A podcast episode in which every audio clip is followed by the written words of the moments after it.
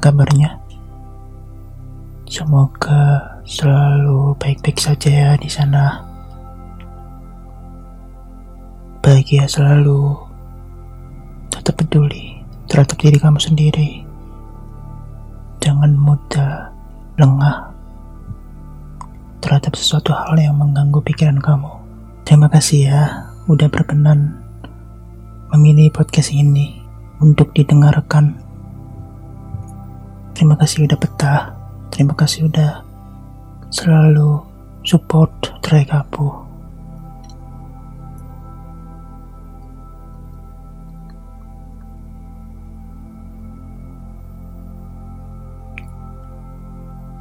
Saya tahu sekarang kamu putar podcast ini karena kamu melihat judulnya yang berarti mungkin ada sesuatu hal yang relatable dalam hidup kamu.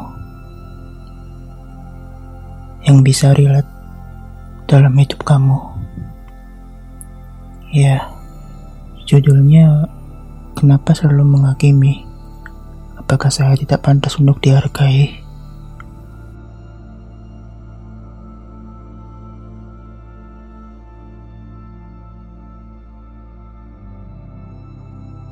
evidensi, fakta kebenaran. Mari kita menuju kepada perjalanan panjang. Kulihat dia seorang anak laki-laki yang wajahnya selalu murung. Di balik jendela kamarnya, dia selalu menatap keluar dengan mata binarnya dengan perasaan yang kosong, hidupnya terasa hampa. Tidak peduli dengan dirinya, bahkan air hujan pun tidak dipedulikannya. Terlihat embun yang datang di sela-sela kaca. Padahal dengan suara hujan memberikan ketenangan. Apa pun yang ada di pikiran dia, dia merasa tidak punya semangat dan motivasi lagi. Sadar, merasa kecewa. Ya. Lihat dinding kosong di sebelah rumahnya memberikan imajinasi untuk menulis beberapa tautan di dalam buku diarinya. Ya, seakan tembok itu menggambarkan keadaannya sekarang perasaan yang gersang, kosong. Dia menulis dengan gelisah. Di balik tembok itu, dia datara kecuali kesedihan. Kenapa saya berbeda dari orang-orang di balik tembok itu? Menjadinya. Saya manusia yang salah penuh kegagalan Apakah saya tak pantas untuk dihargai? Kenapa saya selalu diintimidasi? Saya tahu diri ini banyak salah dan penuh kekurangan. Tolong dihargai sedikit saja pengorbanan yang telah saya perbuat untuk bisa keluar dari jam terburukku ini. Saya sudah mencoba menuruti perintahnya yang menurut saya itu bagus membuat saya berkembang. Tetapi gimana dengan self mental saya? Apakah peduli? Tulisan itu sangatlah menyedihkan ya. Bahwa kegagalan yang pernah kamu lalui adalah suatu intimidasi diri kamu sendiri Bahkan orang lain ke kamu juga begitu.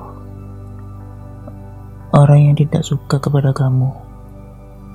Itu ibaratnya nih, udah jatuh ketimpa pohon pula. Bukan hanya ketimpa tangga. Itu pasti jauh berat bobotnya.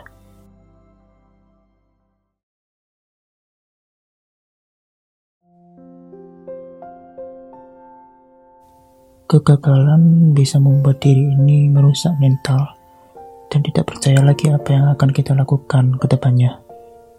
Itu adalah perilaku yang buruk kelakuan. Jangan dilakukan.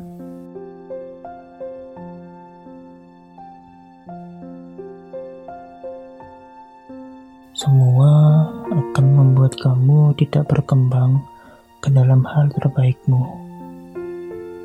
Jika kamu terus-menerus mengintimidasi diri kamu sendiri.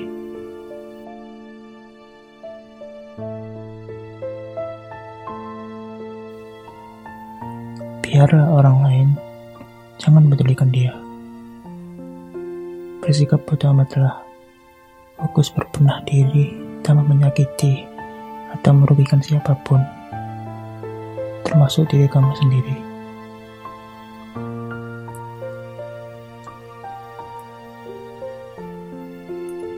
Rumah seharusnya adalah tempat pertama kita untuk pulang, melegakan pikiran yang sudah guncang. Orang tua adalah ikatan cinta pertama yang bisa merasakan penuh kehangatan, merasa disayangi. Seharusnya begitu. Gimana dengan anak yang broken? Anak yang broken home. Ada dua hal yang bisa diandalkan, yaitu Allah, Tuhan semesta alam yang terus bersama kita senantiasa melindungi dan menemani kita.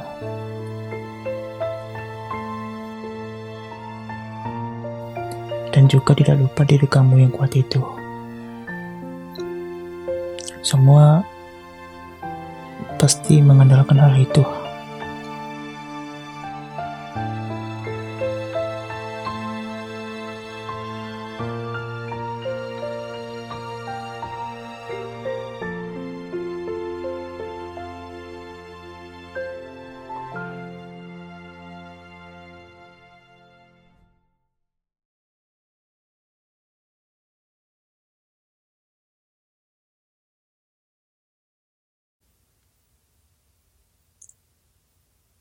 Jadi sekarang hatimu terasa lega?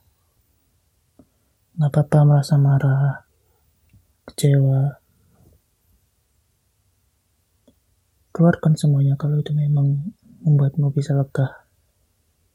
Itu tanda peduli kok terhadap diri kamu sendiri. Bahwa ada sesuatu hal yang dipedulikan dari emosi itu.